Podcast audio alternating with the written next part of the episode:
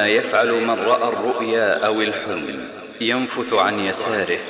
ثلاثة يستعيذ بالله من الشيطان ومن شر ما رأى ثلاث مرات. لا يحدث بها أحدا. يتحول عن جنبه الذي كان عليه. يقوم يصلي إن أراد ذلك.